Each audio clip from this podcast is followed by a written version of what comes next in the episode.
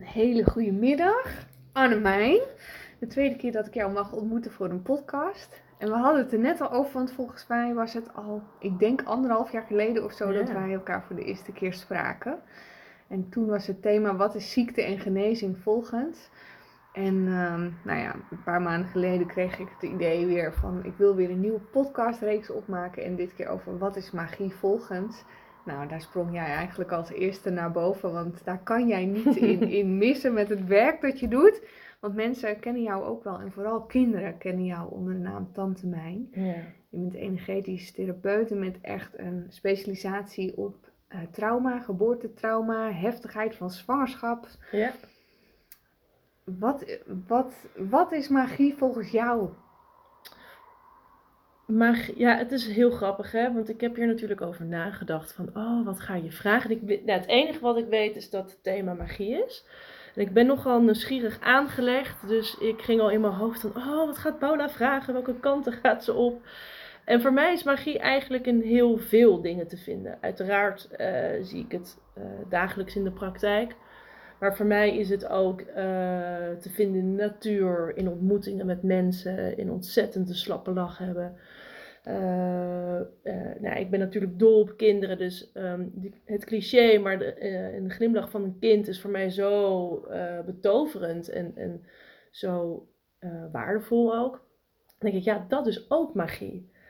Maar wat ik ook weer magie vind, is dat je bijvoorbeeld in hele heftige tijden in je leven, dat je daardoor ook nog het geluk ergens kan vinden. Hè? Dus dat je ook al hoe heftig je leven is, dat je naast die ja, ellende, zeg maar, je ook nog gelukkig kan voelen, is ook magie.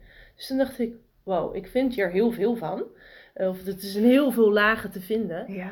Ehm, dus het is voor mij, en het woord magie gebruik ik ook niet zo vaak, dus dat vond ik ook alweer heel interessant. Maar ja, het is dus in heel veel dingen te vinden eigenlijk. Ja. Als je er maar voor openstelt en als je het maar wil zien. Ja. Mee eens. Ja. Nou, nou noemde jij net al van in je werk vind jij het ook, ook terug. Nou ja, Ja. ik, ik heb je werk mogen ervaren. Ik zou dat zelf ook echt heel lastig kunnen omschrijven. Maar als je nou magie zou mogen beschrijven binnen het werk dat je, dat je doet, hoe zou, je dat, hoe zou jij dat beschrijven? Wat is de magie binnen het werk dat je doet? Ehm, Want wat doe je eigenlijk? Ja, wat doe ik nou eigenlijk? Ja, ehm, wat ik doe is dat ik. ehm, nou, eigenlijk doen de kinderen heel veel. De kinderen en, eh, en in samenwerking met de kosmos. Dus het is absoluut niet zo dat ik degene ben die het allemaal eh, fixt in de praktijk. Maar ik heb gewoon ontzettend veel steun vanuit de kosmische wereld. Dus mijn eigen gidsen, eh, de engelen, de lichtwezens. Daar is mijn steun en de helende energie komt daar onder andere vandaan. En de kinderen zijn zo mooi dat ze zich eh, vertrouwd voelen en mij de informatie geven van eh, waar de kern van hun probleem ligt. Dus eh, eh, voorheen kwamen zeg maar gewoon iedereen, alle kinderen en tieners bij mij in de praktijk van nou ja, ADHD tot onzekerheid, eetstoornissen, suïcidale kinderen heb ik heel veel gehad ook. En dan ja, is het niet een standaard recept wat ik ga doen of een protocol van oh, als ik dit doe, dan krijgen we dat resultaat. Uh, maar het is zo dat ik contact maak met het kind en die mij de informatie geeft, dus zeg maar op zielsniveau mag ik inchecken. En die vertelt mij van oké, dit is mijn leven, dit zijn mijn thema's. En voor, voor vandaag is het fijn om hier naar te kijken. Uh, dus dat is het magische moment dat iemand zich dus daarvoor openstelt en dat ik dat mag waarnemen. En dat uh, waarnemen, is, dus het lezen van de informatie is in, in beelden, maar ik krijg ook uh, ja, rechtstreeks informatie door. Uh, nou, dat komt niet van mij, snap je? Dus het is dat ik het kanaal ben tussen het kind of de tiener en, nou ja, het alles, zeg maar. En daar mag ik mee, mag ik mee werken. En daar, nou, daar komen hele mooie resultaten uit. Ja. Ja.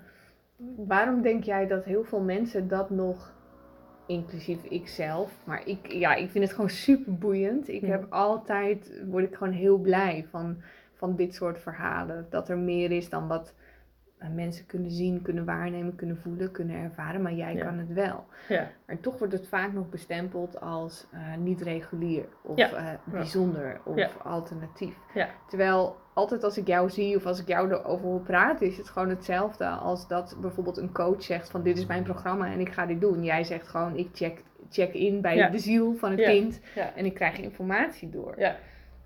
Waar, waar, ligt voor jou, waar ligt volgens jou dat verschil dat sommige mensen dat nog als vreemd of bijzonder of alternatief zien? Hoe kan dat, denk je? Oeh, interessante vraag. nou, waar, waar het voor mij in zit, en dan ben ik lekker Haags en recht door zee. eh, dus luisteraars, zet je schat. Eh, dat ligt aan jezelf. Heb je goed contact met jezelf. En op het moment dat je dus ehm, de realiteit aandurft, van, dus dat je alle lagen durft aan te kijken binnen jezelf, hè, of ja, in mijn geval als kindertherapeut binnen het kind, maar dat zegt ook waanzinnig veel weer, veel weer over jezelf en je familiesysteem. En. Ehm, durf, je dat, durf je terug te gaan naar de basis. Want we zitten in een maatschappij waarvan we denken, oh, alles is te fixen en te regelen buiten onszelf. Eh, maar het zit in jezelf. Dus wat ik doe is totaal niet iets nieuws. En het is niet dat ik het heb uitgevonden. Nee, sterker nog, de Indianen deden niet anders dan dat. Dat als ze last hadden van wat dan ook, dan gingen ze naar ja, de sjamaan toe of ja, wie dan ook binnen het dorp om daar de steun te krijgen die nodig is. En ehm, dus voor mij is het juist super logisch. Net zoals ik mm, heel graag naar Christine ga, dat is mijn natuurgeneeskunde. Dat ik denk van, oh, ehm, nou, ik doe natuurlijk best wel intensief werk. Van laat ik dan mezelf ook eh, goed onderhouden. Ja, plus dat ik ook af en toe uiteraard wel eens lichamelijke dingetjes heb. Dan ga ik naar Christine toe en die gaat kijken van hoe goed voel je, hoe loopt je energie. Eh, nou, die kijkt naar de ogen, tong en ja, voelt dan eh, van alles en nog wat. En die gaat met acupunctuur mij helpen. Ik zoek het eerst bij Christine, dan dat ik bij mijn huisarts aanklop van hé, hey, ik heb last van mijn darmen. Dan weet ik dat het een andere insteek is. Dus ik ga het veel meer zoeken in mezelf en in mijn eigen genezend vermogen van mijn lichaam. eh, dan dat ik dat op een andere manier doe. Dus ja, het, het, is maar hoe je in het leven staat eigenlijk. En wat je aandurft. Misschien ook een Ja. beetje. Denk je ook dat in feite iedereen ehm, dit zou, nou ik wil niet zeggen kunnen misschien, maar ja, dat is eigenlijk wel mijn vraag. Denk Mhm. jij ook dat wanneer dus mensen echt zich ervoor openstellen, dus echt zeggen van nou, eh, ik weet dat alles binnen mezelf ligt, ik open me voor de gaven die ik als mens bezit, Ja. dat elk mens uiteindelijk ook het contact zou kunnen maken met de kosmos, met de ziel van iemand anders? Of denk je dat dat per individu verschillend is? Ik denk dat dat verschillend is.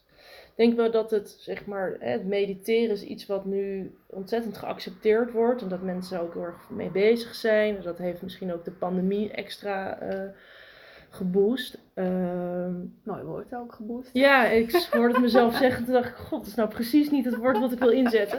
want, Teweeg da- gebracht. want daar heb ik een mening over. Maar, ehm, eh, dus het is meer hè, toegankelijk gemaakt. Zelfs het Nederlands elftal heeft ook, eh, is ook gaan mediteren. Niet, niet dit team nu, maar een tijd geleden. Maar ehm, de een kan het wel beter dan de ander. En ik denk dat het voornamelijk ook zit zeg maar, op mijn, in mijn werkgebied dan. Dus echt het uitvoeren van, eh, van healings of nou ja, coaching of therapeutisch werk. In de hulpverleningssector dan. eh, je moet goed kunnen vertalen met wat je binnenkrijgt. Want het is echt wel heel veel. Ik bedoel, er, hangt er zoveel tussen hemel en aarde. En dan moet je maar de juiste vertaalslag kunnen maken. En het ook weer durven te onderzoeken. Dus dat is wel een proces. En ik eh, zeg je in alle eerlijkheid dat dat niet altijd een feestje is. Eh, dat dat niet voor iedereen is weggelegd. En eh, ik denk ook dat de ene ziel verder ontwikkeld is dan de ander. En dan vind ik dit altijd een beetje lastig om te zeggen op een of andere manier. Maar eh, ik weet wel dat, mijn, dat ik een oude ziel ben. Dus dat ik zelf al heel veel heb ervaren en al heb doorleefd. Waardoor ik mensen durf te ondersteunen in stukken waar zij nog in struggelen. Wat ik, waar ik ze in kan helpen, omdat ik daar zelf niet meer nog een issue mee heb, zeg maar. Want ik geloof er zelf in, en ik zeg niet dat dat zo is, maar dat je alleen maar mensen kan ondersteunen in iets waar je zelf al nou ja, zo goed als het levensthema hebt kunnen afvinken, zeg maar. Levensles. Volg je nog? Uh... Ja, zeker. Zeker. Ja. Ja.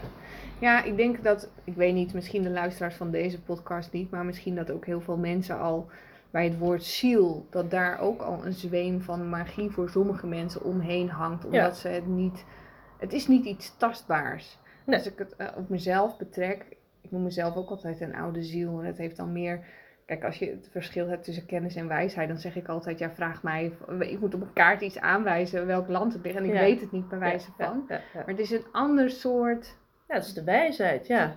ja, het is een ander soort wijsheid. Maar als je dat dan moet verklaren, of als ik, ik voel juist soms als ik in gezelschap ben, dan voel ik me daar juist soms een soort uitzondering. Snap je? Mhm. Omdat ik dan niet mee kan in de kennis, Ja, ja, ja. maar qua wijsheid heel anders Ja. kijk naar Ja, dat soort ja, dingen. Ja, herkenbaar. Ja. Ja, ja. En ehm, nou ja, dat, dat vind ik zelf dan soms nog wel ook iets lastig. Met hoe ga je nou uitleggen wat een, wat een ziel is, überhaupt? Hoe, hoe kun je nou uitleggen wat een oude ziel is, überhaupt? Dus Ja. daarom trigger dat thema. Voor mij is dat ook magie. Het is een soort innerlijk weten, ja. innerlijk voelen. En dat is gewoon, dat is wat het is. Dus ik ben wel ook heel erg zoekende geweest in mijn werk. Van oké, hoe ga ik het vertalen dat voor mensen het behapbaar is. Dat ze ongeveer nog een beetje weten wat we doen. Zonder dat ik mezelf tekort doe met eh, dat ik het te eenvoudig verwoord. Want het is gewoon iets groots. En ja, niet voor iedereen weggelegd om dat te kunnen doen. Maar dat het wel eh, ja, inhoudelijk de, de lading dekt, zeg maar. Maar ik ben zelf, ehm, ja, weet je, ik ben niet de hele dag spiritueel aan het zijn. ik kan gelukkig iets. eh, en dat, ja, dat maak ik toegankelijk. En dat is het fijne met kinderen. Dat, dat het valt, dat, ja, al die lagen waar volwassenen nog wel eens naar willen kijken, dat hebben kinderen niet. Nee. Is het bij jou zo dat als je werkt, dat je dan in een soort ander stuk van jezelf stapt dan wanneer je gewoon Annemijn bent die boodschappen doet en op de bank chips eet? Of? Ehm, of ik het er ook een beetje uit kan zetten, het, het, het eh, stukje van dingen zien en waarnemen, zeg maar. Ook? Ja. Ehm, nou, het is wel in de, in de praktijk zo dat ik dan echt aansta. Dat is, dat, dan zit ik wel in een andere energieflow. Dat, dat, dan kan ik eigenlijk een soort van oneindig door blijven werken. Eh, omdat dat zo'n hoge energie is en dat het voor mij, ja, dat is voor mij thuiskomen eigenlijk. Dus alsof de kosmische wereld eh, in, die, in, in de praktijkruimte is. Dus dat is absoluut op die manier anders.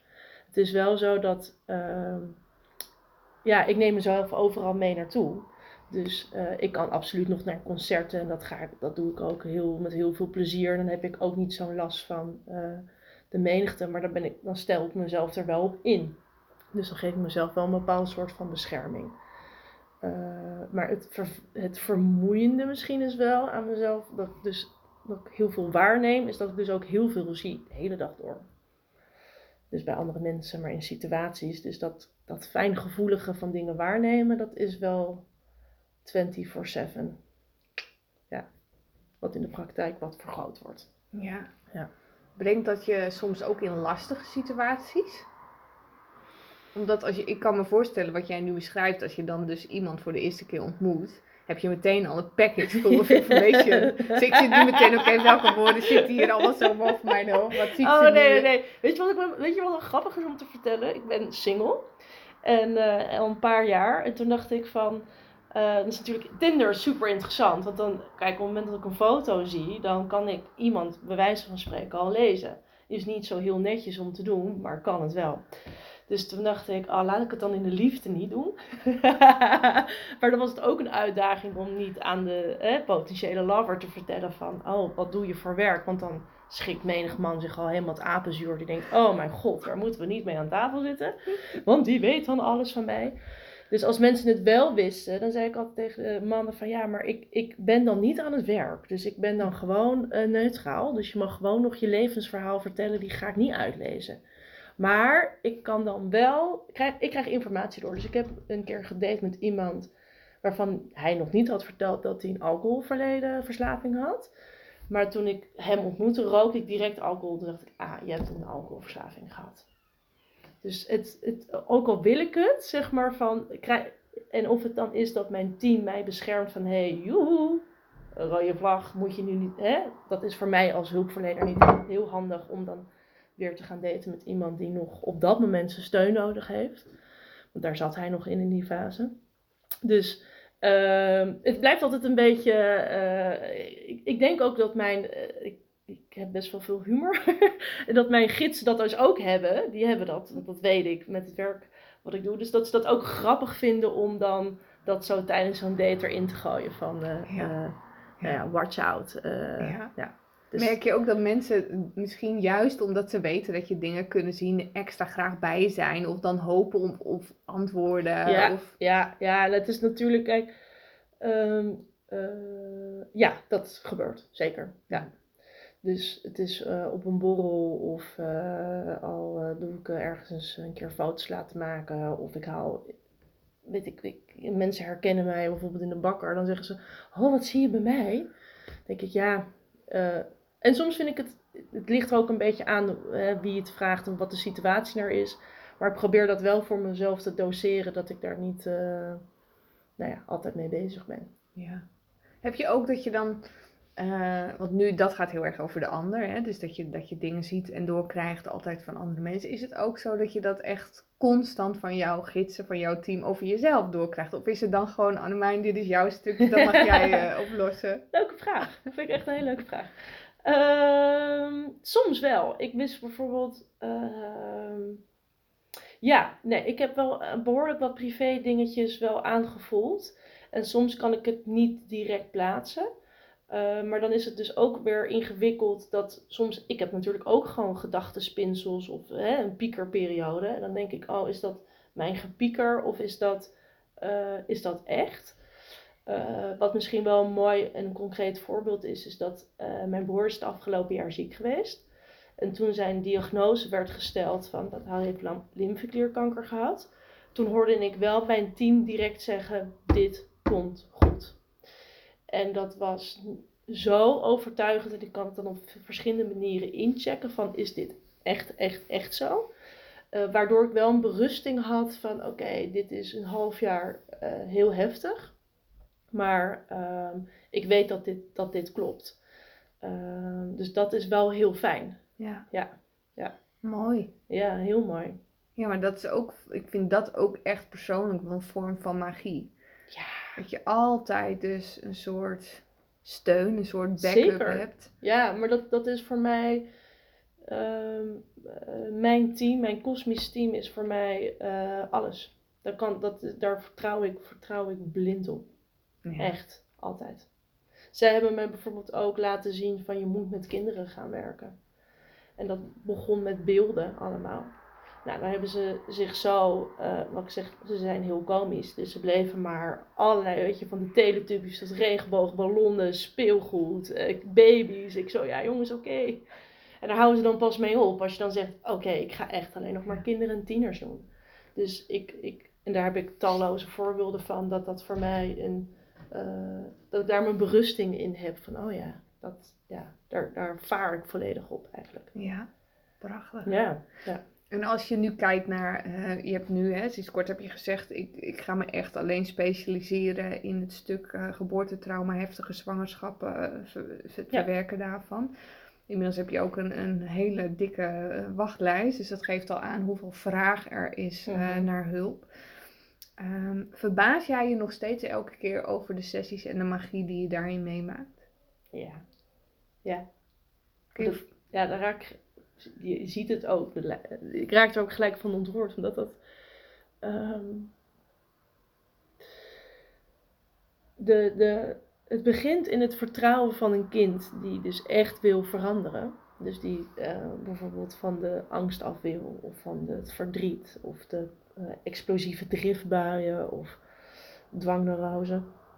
En dat dan, uh, ja, ik ben zeg maar een uur bezig uh, tijdens een sessie, met pauzes tussendoor als dat nodig is.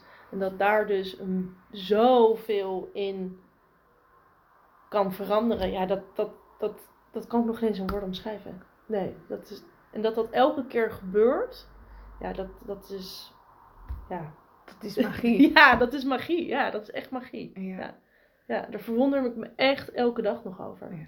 Ja, Dus dan zou je kunnen zeggen dat eigenlijk elke sessie voor jou gewoon magisch is.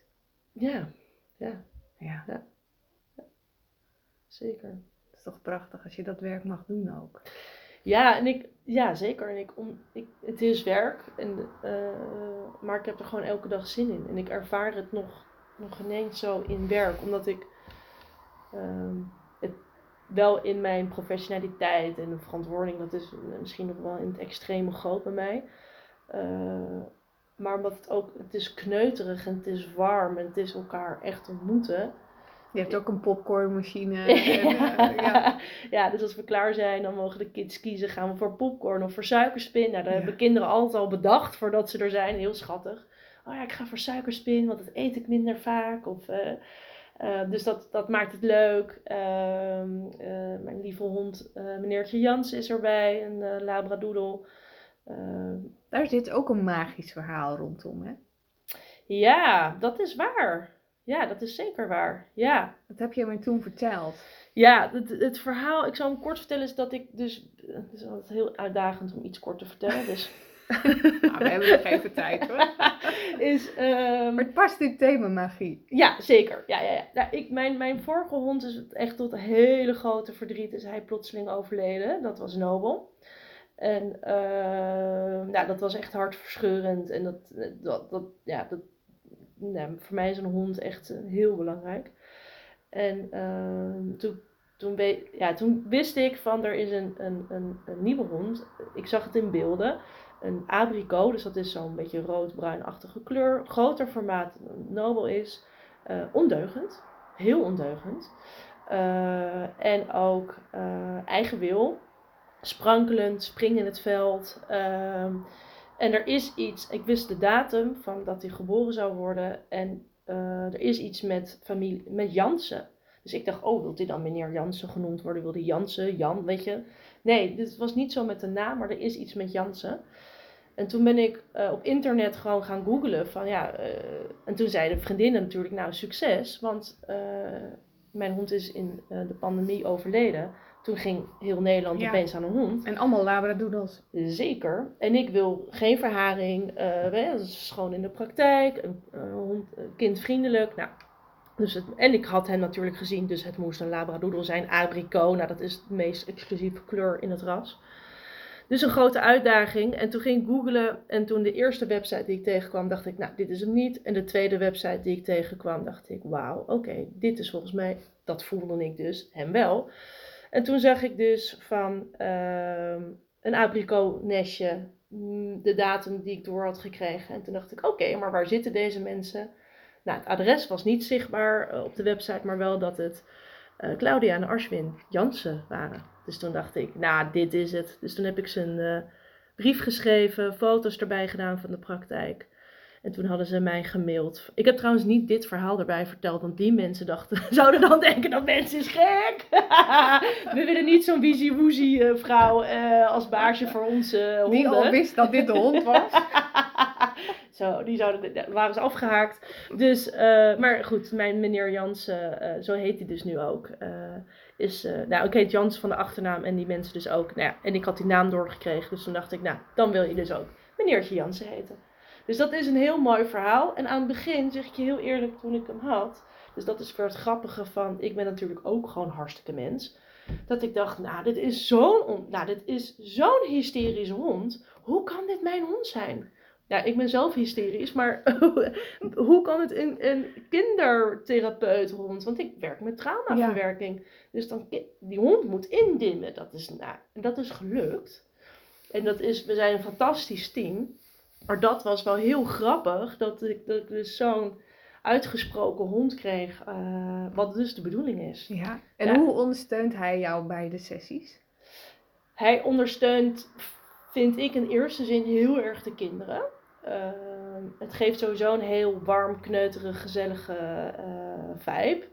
Ehm, ik heb ook heel veel tieners bij mij in de praktijk, dus die vinden het over het algemeen natuurlijk helemaal niet leuk om met mij te praten. Die denken, wat doe ik hier? En nou zo. Maar een hond geeft dan een, iets gemoedelijks. Dus dan kan je ook tijdens... Ik praat niet waanzinnig veel hoor, want ik... eh, tenzij een kind dat fijn vindt, maar het hoeft absoluut niet. Dan kunnen ze lekker de hond eien. Dus dat is al stap 1. Plus dat hij heel veel humor brengt. Dus dat is al... Mhm. eh, Dat weet ik nog van vorige keer. ja, toch? Ja. Het is echt een hond vol humor. Dus dat maakt, hij maakt iedereen aan het lachen. Mhm. En zodra we dus de behandeling beginnen, nou, dan over magie gesproken. En dat doet hij dus echt uit zichzelf. Want ik heb hem dit niet geleerd. De deur staat altijd open, dus hij kan altijd weg als hij wil. Dat doet hij.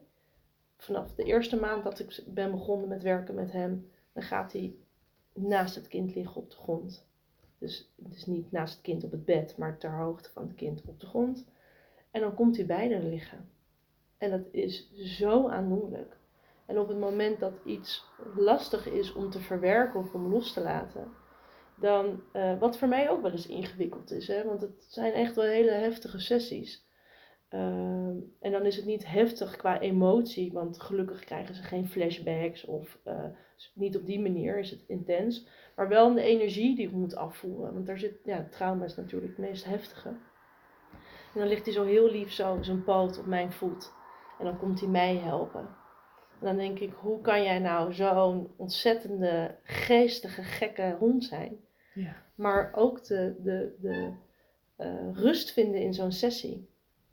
Ja, dat is. eh, dus daar is hij heel steunend in. En zodra we dus klaar zijn, dan woep, staat hij op. ja, dan is hij weer de... En dan is hij weer de clown. Ja, ja, ja. Maar als, het, als een kind dus niet houdt van eh, energiek gedoe, dan is hij dus rustig.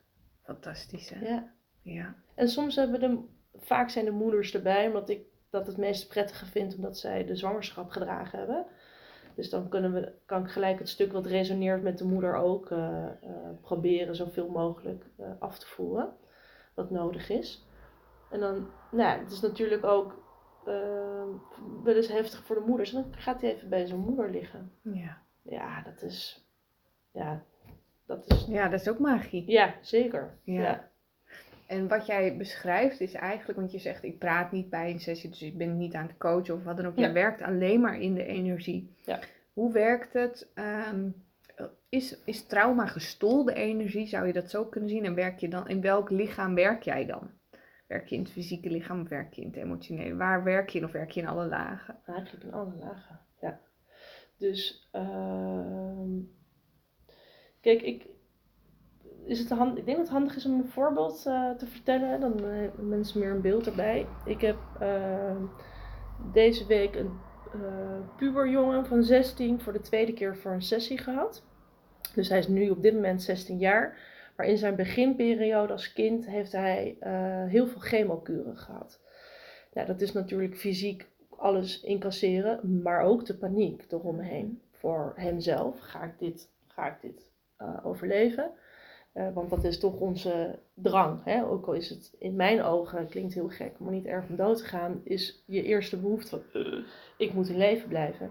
Plus de stress eh, in het gezin en eh, het hele familiesysteem.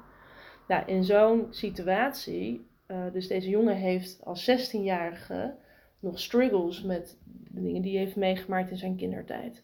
Dus hij heeft een vorm, zoals ik het zie, van PTSS. Eh, volgens mij heeft hij ook die diagnose gekregen, maar dat maakt niet zoveel uit. Eh, hij heeft heel veel eh, driftbuien, heel explosief, ook fysiek. Maar vindt het leven ook moi. Omdat ja, die levensenergie lager is.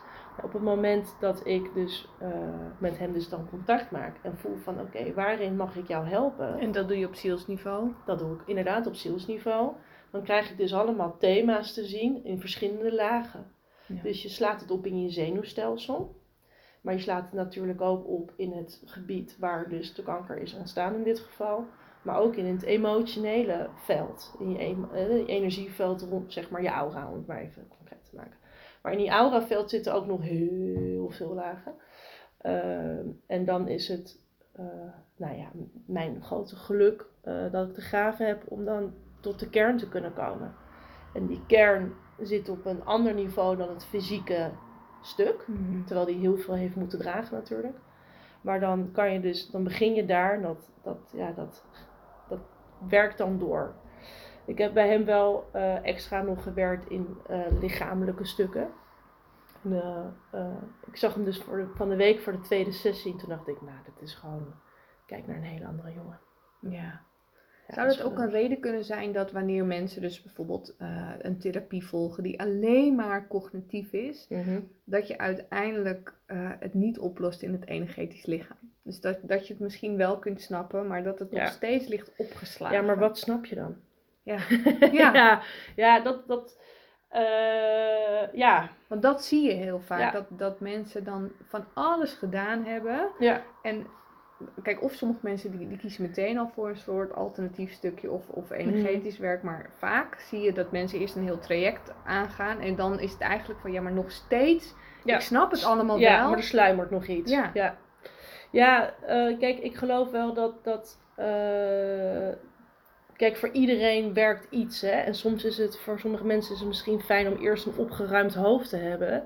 Om vanuit daaruit eh, misschien het dieper uit te zoeken. Of die denken, nou, bijvoorbeeld rouwen vind ik daar, een, eh, dat rouw is heel intens. Mhm. Eh, helaas heb ik daar veel al in mee moeten meemaken. Dus ik snap echt wel dat mensen denken, nou, mijn show niet. Ik ga niet het op een andere, hè, ik, ik stop het weg. Of ik, of ik, pff, ik huil met kerst en ik huil op de sterfdag en op de, op de geboortedag, iemands verjaardag. En verder ga ik door hoor. Nee, ik ben vooral doorgegaan. Eh, dus het is, het is maar net aan wat voor, je- voor jou passend is. Ja.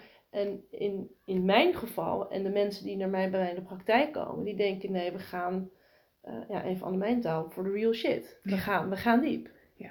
Maar dan regelen we het wel. Ja. Want ik geloof ook niet erin dat. Maar goed, dat is natuurlijk mijn overtuiging met mijn ervaring in de praktijk en hoe ik zelf als mens in het leven sta. Ja, je kan het beter voelen en doorleven. En het is geen feestje, maar daardoor kom je wel veel verder. Want dan kan je het echt aangaan en nou ja, het echt verzachten, zeg maar. En dan komt uiteindelijk dat opgeruimde hoofd komt dan vanzelf. Ja. Dus ik doe hem andersom. Ja. Ja. Ja, mooi. Ja, het is echt fantastisch werk. Ik zei net al tegen je van, zo jammer dat je alleen nog maar kinderen doet.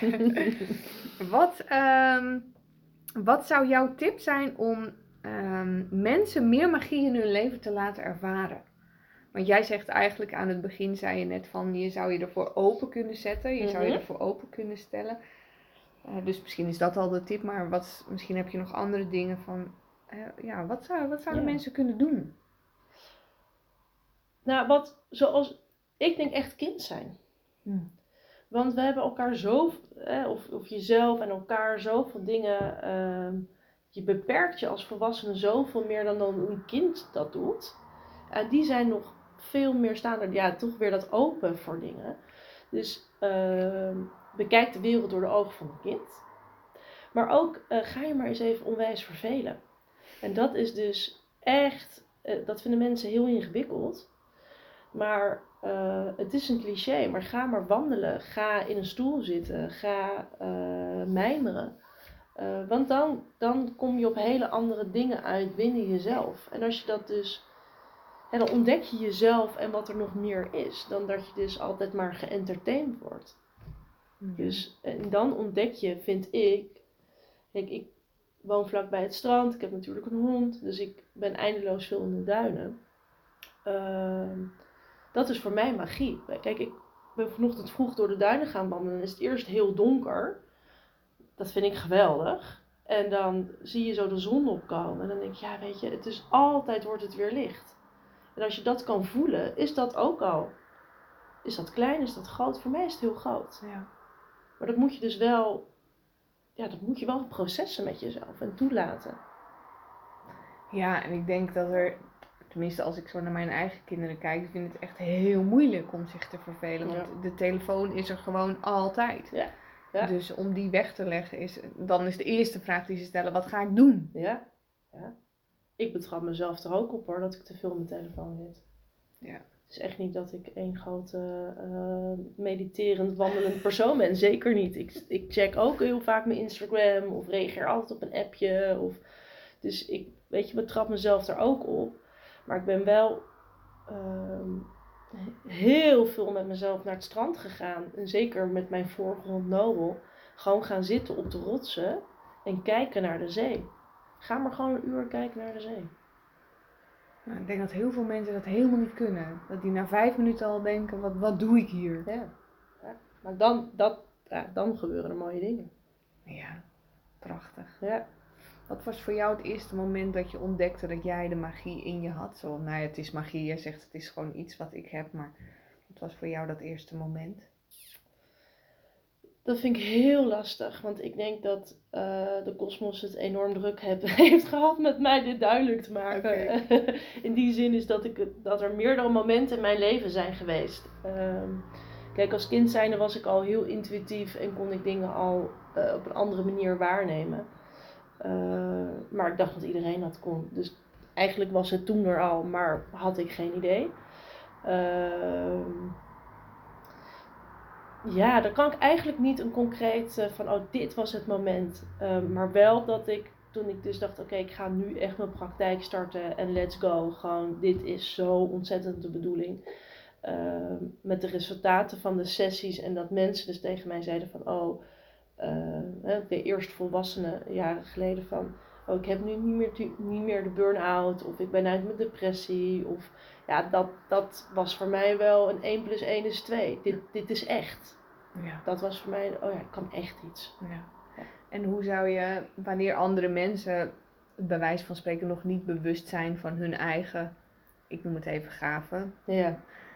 Hoe zouden zij daarachter kunnen komen? Of hoe zouden zij daar meer ruimte voor kunnen innemen, waardoor ze zichzelf die vraag kunnen stellen? Oeh, ja, dan kom ik weer terug op vervelen. Ja. En wandelen. Voor mij is wandelen, hè, maar voor iemand anders kan het iets anders zijn. Maar uh, kijk, ik ben er wel van overtuigd dat als het de bedoeling is dat je daar daadwerkelijk je werk van maakt, dat, of dat je er nog meer in gaat verdiepen, dat je daar wel op aangestuurd wordt. Uh, door, het, door je team. Door je team, ja. Maar dan moet je wel ook voor jezelf dat dus ook gaan aangrijpen, zeg maar. En dan moet je dus naar die retraite gaan of nou ja, in een klooster. Ik weet niet wat je wil gaan doen, maar surfen in Frankrijk. Uh, maar pak hem dan ook. Of ga reizen door Azië. Of gewoon lekker in een hutje op de hei. Het, weet je, het is niet dat het standaard iets is, maar dan moet je wel, je moet er actie aan koppelen. En uh, um, ik ga nu wel iets heel eerlijk zeggen, wat misschien niet iedereen leuk vindt om te horen, maar er zit nu wel een soort hype op spiritualiteit. Mm -hmm. uh, en daarmee wil ik echt niet doen alsof andere mensen uh, het niet kunnen of iets, maar uh, er zit wel veel ruis op de radar, zeg maar. Met mensen die nou ja, van alles aanbieden of daarmee bezig zijn. En ik denk, ja, spiritualiteit of magie of give it a name is ook het leven leven, snap je? Uh, je moet ook uh, uh, het aardse, je bent nu, je bent, je bent dat lichtwezen, iedereen is dat lichtwezen die in dat menselijk lichaam zit. Dus ga ook mens zijn. Dus ga niet alleen maar dat, oh nee, ik moet elke dag mediteren. Ja, waarom moet jij elke dag mediteren? Snap je? Dus ik, ik vind altijd de mix van beide. En als het de bedoeling is dat je er echt iets mee doet, dan vormt dat zich vanzelf wel. Maar wel met beide benen op de grond, alsjeblieft. Ja, dat is het ja. allerbelangrijkste. Ja, want anders wordt het een hele vage, uh, onduidelijke. Ja. Zou dat misschien ook een reden zijn waarom het juist zo zweverig wordt gemaakt? Omdat het ook zo zweverig gebracht wordt door veel mensen die bijvoorbeeld alleen maar praten. Ik heb daar zelf een beetje een allergie voor. Alleen maar over het leven wordt magisch. Maar dan echt in de zin van ik zie alleen maar licht en het is alleen maar fantastisch. En ja. ik zie alleen maar engelengetallen. Ja. En dan vind ik eigenlijk dat je een bepaald deel, want je hebt licht en donker, dat, Zeker. Je, dat je een bepaald deel gewoon uitslaat terwijl het hetzelfde is. Ja, maar dat is dus ook het hele, uh, wat ik er lastig aan vind, en dat vind ik wel heel tof dat jij hierover hebt, want ik, wij hebben dit helemaal niet voorbereid, is dat uh, mensen dus ook heel erg zo zitten in het mediteren bijvoorbeeld vooral, of nou ja, wat het ook mag zijn, denk ik, ja maar jongens, er ook in de kosmos is, zijn beide aspecten er, hè? licht en donker. Dus weet heel goed waar je mee bezig bent. En dat station wordt heel vaak overgeslagen. Dus ik weet dat ik jaren geleden een keer op een zondag uh, in het Haagse naar een yoga meditatie iets ben gegaan. Toen zei die vrouw, maak je aura zo groot mogelijk. En toen dacht ik, nou ja, die Laan van Meerdervoort is heel lang in Den Haag. Het is de langste laan in Europa. En ik vroeg aan, weet je wel, moet ik hem zo groot maken? Want dat was ook helemaal aan het visualiseren. Ik, maar waarom doe jij dit? Zij zei, hoe groter je auralaag is, of uh, het bereik is, hoe, hoe, uh, hoe beter. Toen zei ik, nou ja, dat, dat, zo zie ik het niet. Uh, ik ben niet die discussie aangegaan, want vind ik, hè, ik wil niet bedweterig doen. Maar dat is wel het zorgelijke wat er dus gebeurt. En dat mensen dus dat denken, oh, maar boven is het namaste, boven is het love and light. Ja, nee. Boven zijn, nee, echt niet. Echt niet. Dan kom je van een koude kermis terug. Dus thuis. Dus daarom moet je dat aardse leven, weet je, behouden. En ook goed contact hebben met jezelf. Omdat je dan dus weet van, kijk, ik praat met kinderen altijd in kleur. Dus hè, je staat bijvoorbeeld met de kleur groen op die dag, of geel of oranje, maakt niet uit. We zijn de kleur oranje. En dan, dan kan je kleur dus veranderen met ontmoetingen met mensen, of als je in het openbaar vervoer bent gegaan, of met collega's, of zelfs naar het kijken van een serie op Netflix. Wat gebeurt er in jou?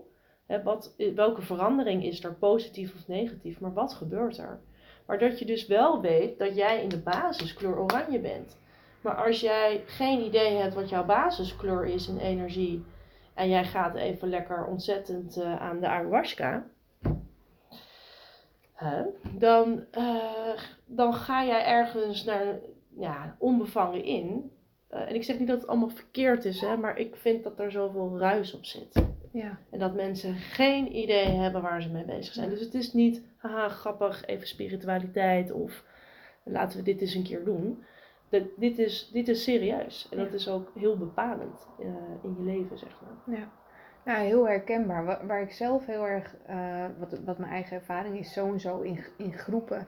Dat ik gewoon, er wordt dan ook heel, heel vaak gedaan van ja, we doen even gezellig met elkaar, weet je wel. Maar wat jij zegt nu, hoe jij het uitlegt met die kleuren, vind ik al echt fantastisch. Omdat je in een groep zo en zo, zo, en zo in contact al met mensen heel snel Ja. vermengt. Zeker. En dat wanneer het, wanneer het je nog niet lukt, en dat kon ik in het begin niet, daarom zit ik nu bij Marja om dat te oefenen, om heel goed bij jezelf Ja. te blijven, gaf ik enorm veel weg, absorbeerde ik heel veel van anderen en had ik geen idee meer, want ik dacht altijd dat wat ik voelde, dat het van mezelf Ja, was, terwijl ik erachter kwam dat ik eigenlijk bijna alles van de rest voelde. Ja, En ja. iedereen ging lekker naar huis, weet je wel, oh ik voel me licht en ik voelde me echt een enorm puinhoopje, gewoon Precies. uitgewrongen iets. Ja. Ja. Dus ik vind het mooi hoe je dat beschrijft. Zou je ook als laatste vraag, nou ik weet niet of dat misschien een, daarna moet ik nog een vraag doen, maar Ja. heb je ook wel eens te maken gehad met kinderen die bijvoorbeeld te maken hebben met, hè, want we hebben het net over licht, we hebben het over donker, dus je hebt, je hebt het licht en je hebt ook het donker. Ja. Dat, dat er bijvoorbeeld een negatieve energie bij een kind zit of een, en dat je daar niet bewust van bent, omdat we niet in die termen over het algemeen praten, of dat dat bewust bij iemand kan worden neergezet. Oeh. Ja, dat kom ik zeker tegen. Ja. ja. Ik kom het gelukkig niet heel vaak tegen, maar ik kom het wel tegen. En ehm, eh, dan heb ik het geluk dat ik, eh, ik ben best wel een hele sterke persoonlijkheid. En dat ben ik ook in, in mijn energie. Dus eh, voor mij is het, ik ben knallend duidelijk. Ehm, dus dat is voor de kosmische wereld ook zo. Dus daarom weet ik ook dat ik daardoor een heel groot team heb die mij steunt. Want die denken, oké, die is zuiver en die werkt vanuit de juiste intenties. En nou ja, ehm, heeft de, ja, ook wel, klinkt een beetje gek, maar resultaatgericht, wat natuurlijk heel belangrijk is. Eh, dus voor, voor mij is het dan ook heel makkelijk te herkennen van, hé, hey, hier zit dus een, een niet fijn stuk aan een kind. En doordat ik dus, het licht is altijd sterker, dus dat is heel fijn. En daardoor kan ik het ook makkelijk, eh, over het algemeen makkelijk, makkelijk weghalen. Maar een kind heeft dat niet door, maar volwassenen ook niet. Nee. Nee. nee. nee. Het is niet iets waar ik heel veel over praat, omdat mensen het vaak spannend vinden. Dus Ja. vaak regel ik het wel. En dan zeg ik, oh, er was iets aan het meeliften wat niet bij jou hoort. En dan ga ik door. Ja. Maar als je het hebt over magie en over dingen, je hebt ook duister. Je hebt het duister en je hebt het licht. Ik vraag het omdat ik er zelf ervaring mee heb gehad. Ik ben er toen heel erg van geschrokken. Was voor mij totaal nieuw. Maar ik voelde gewoon dat ik, ik liep gewoon leeg, constant. Oh ja, ja. En gelukkig heb ik zelf een hele goede master, noem het maar, die altijd mij, mij daarin backup geeft, die ik daar ook heel erg in vertrouw. Maar het was voor mij echt een hele nieuwe wereld. Ja. Dus voor mij zorgde dat ook weer dat ik veel meer dus echt gewoon... We hebben het er wel eens eerder over gehad van dat het zo belangrijk is om dus alles wat niet van jou is terug te geven. Alles wat niet van jou is, Ja. om daar zuiver in te Ja. zijn. Dus het was voor mij ook een mooie wake-up call. Ja. Maar het hoort er ook bij. Ja, het harde. Het was een hele harde. Het was een hele harde. Ja. En ook daar, daar praat je niet heel makkelijk over, omdat het helemaal niet tastbaar is. Maar ik vind het wel dus iets wat eigenlijk meer aandacht zou mogen krijgen, omdat als je het hebt over spiritualiteit, magie, en dat alleen maar de aandacht ligt op het licht. Vaak wel. Ja. Eh, alleen eh, is mijn ervaring met mensen die dus het echte werk doen, of daarmee in durven te verdiepen. Dus het is niet alleen werkgerelateerd, maar gewoon ook als persoon. Als je echt durft te verdiepen in spiritualiteit of in jezelf of in het leven. Dan, ja, ik bedoel, het zou toch heel naïef zijn als we hier in een land leven waar Trump aan de macht is geweest en waar we werken met eh, machtspositie en hè, financiële stukken, dat we dan denken, oh ja, maar als je next level gaat, dan valt alles weg. Dat zou toch heel raar zijn? Ja, maar dat denk ik altijd. Hé, wat interessant dat mensen dat denken. Of dat iemand dan dus heel narcistisch is en een, en een, eh, en, eh, nou ja, een, alsof, nou ja, goed, een minder prettig persoon. En alsof dat dan opeens, dat, dat één grote verheldering is. Omdat hij dus door, eh, door een poort heen is gegaan en herboren is, zoals ik het zie. Want er is, wat mij betreft, 100% leven na de dood. Alsof dat dan opeens helemaal neutraal, en zo zie ik het nu niet. En dat is ook wat ik ervaar in de praktijk, want ik voel ook eh, overleden mensen, dat dat nog steeds een, eh, ja, op zielsbasis of op persoonlijkheid, hoe je het even makkelijk te omschrijven, dat dat gewoon meegaat. En dat je dan je huiswerk als persoon daar net zo goed te doen hebt. Dus eh, zo zit het naar mijn idee in elkaar. Ja, het is, echt een magische wereld. Het is een magische wereld. Nou vertelde jij me net, of tenminste ik weet van jou dat jij helaas een, eh, voor veel mensen die dat zouden willen een, ehm, een wachtlijst hebt Ja, hè, voor, ja. voor mensen. Maar stel dat ze wel het fijn vinden om jou ehm, te willen volgen of in ieder geval kennis met jou te willen maken. Ja. Eh, je hebt ook eh, podcasts opgenomen waarin mensen hun ervaringen Ja, delen. Dus ja. wellicht kunnen ze daar al dingen uithalen. Waar kunnen mensen jou dan vinden? Eh, ik noem mijn eh, Tante Mijn, omdat dat leuk en toegankelijk is voor kinderen en dat het ook de, omvattend is. Dus praktijk eh, maar op Instagram krijg je veel beter een beeld van eh, hoe ik werk en hoe, wat, de, ja, wat de vibe is, zeg maar, bij in de praktijk. Dus zowel Instagram, Spotify natuurlijk. Nou, ik ben zo hip. En, want daar deel ik de ervaringen eh, van kinderen. Dus soms zijn kinderen zelf aan het woord en soms zijn het gesprekken met ouders om te vertellen over de heftige zwangerschap, de geboorte en de postnatale periode. Eh, want dat, daar ligt nu mijn volledige focus eh, qua traumaverwerking. Dat daar dus eh, eh, ja, heel veel winst valt te behalen om dat stuk te verzachten. Dus om daar meer een idee van te krijgen van wat, wat houdt dat in, dacht ik, ja, ik kan het vertellen in, in tekst, zeg maar, om te lezen, maar dat is zo plat en zo, ja, het wordt snel zweverig of het wordt juist te, te, te vlak. Dat vind ik eh, lastig om daar een mooie weg in te vinden. Dus toen dacht ik, oh, dan is het vertellen is altijd het meest mooie. Dus eh, ja, daar heb ik dus inderdaad ook podcasts, maar die kan je ook weer. Het meest makkelijke is Instagram. Ja. Ja. Ja. maar ook fijn om, om voor mensen misschien om dus eh, verhalen te horen van hoe trauma kan ontstaan of hoe inderdaad gedrag wat bij Ja. kinderen eh, ontstaat, waar Ja. dat dan vandaan komt, om daar veel meer inzicht in te krijgen. Ja, mensen staan er niet bij stil dat dus de, de uitingen van emoties die kinderen op dit moment hebben, dus ehm, dat dat dus ter herleiden is van bijvoorbeeld een hele stressvolle zwangerschap. Want als je bijvoorbeeld eh, voor je zwangerschap van het kind wat nu geboren is, vier miskramen hebt gehad, dan is het aannemelijk dat je denkt, nou ik wacht eerst even die 20 weken af, voordat ik hier helemaal vol liefde van ga houden en me gaan binden. Want ik heb al vier hele heftige teleurstellingen gehad. Nou, dat is eh, aannemelijk dat je het doet. Maar het kind wat in de buik zit, voelt dat ook. Ja. En dat doe je niet bewust, dat doe je niet met verkeerde intenties. Maar een kind ervaart dat wel. En dat is niet iets wat ik zelf bedacht heb dat dat zo is. Maar dat is doordat kinderen mij eh, in de loop der jaren zelf hebben laten zien van... Oh, maar tante mijn, mijn zwangerschap. Toen uh, zijn we verhuisd, toen was er een rouwproces, toen was er dit. Dus er was eigenlijk niet zoveel aandacht voor mij. Dat is niet erg, maar ik heb er wel last van. Ja. Dus dan krijg je misschien een kind die zich niet laat zien, zeg maar, in de wereld. Of een geboorte wat heel heftig is geweest. Wat voor een moeder bijvoorbeeld uh, fysieke klachten nu nog heeft, waar een kind zich nog schuldig om voelt. Van, oh, maar door mijn geboorte heb jij zoveel pijn. Dus dan is zo'n verhouding in die, zeg maar, in die paar uur zwanger uh, bevalling, geboorte, is dan al niet ideaal. En dat, ja, daar denk je als een kind negen is, denk jij niet, oeh, zou dat door die geboorte zijn? Weet je, daar sta je niet bij stil. Plus dat een arts zegt, nou, kind is gezond, hechtingen zitten er lekker in. En door, ja toch? Ja. Ja, en daar ligt dus mijn, uh, mijn focus. Ja. En dat is dus in, in verhalen altijd veel mooier. Dus daarom dacht ik, kom door jou, Paula. Ben ik podcast op gaan nemen. Dat is wel echt waar.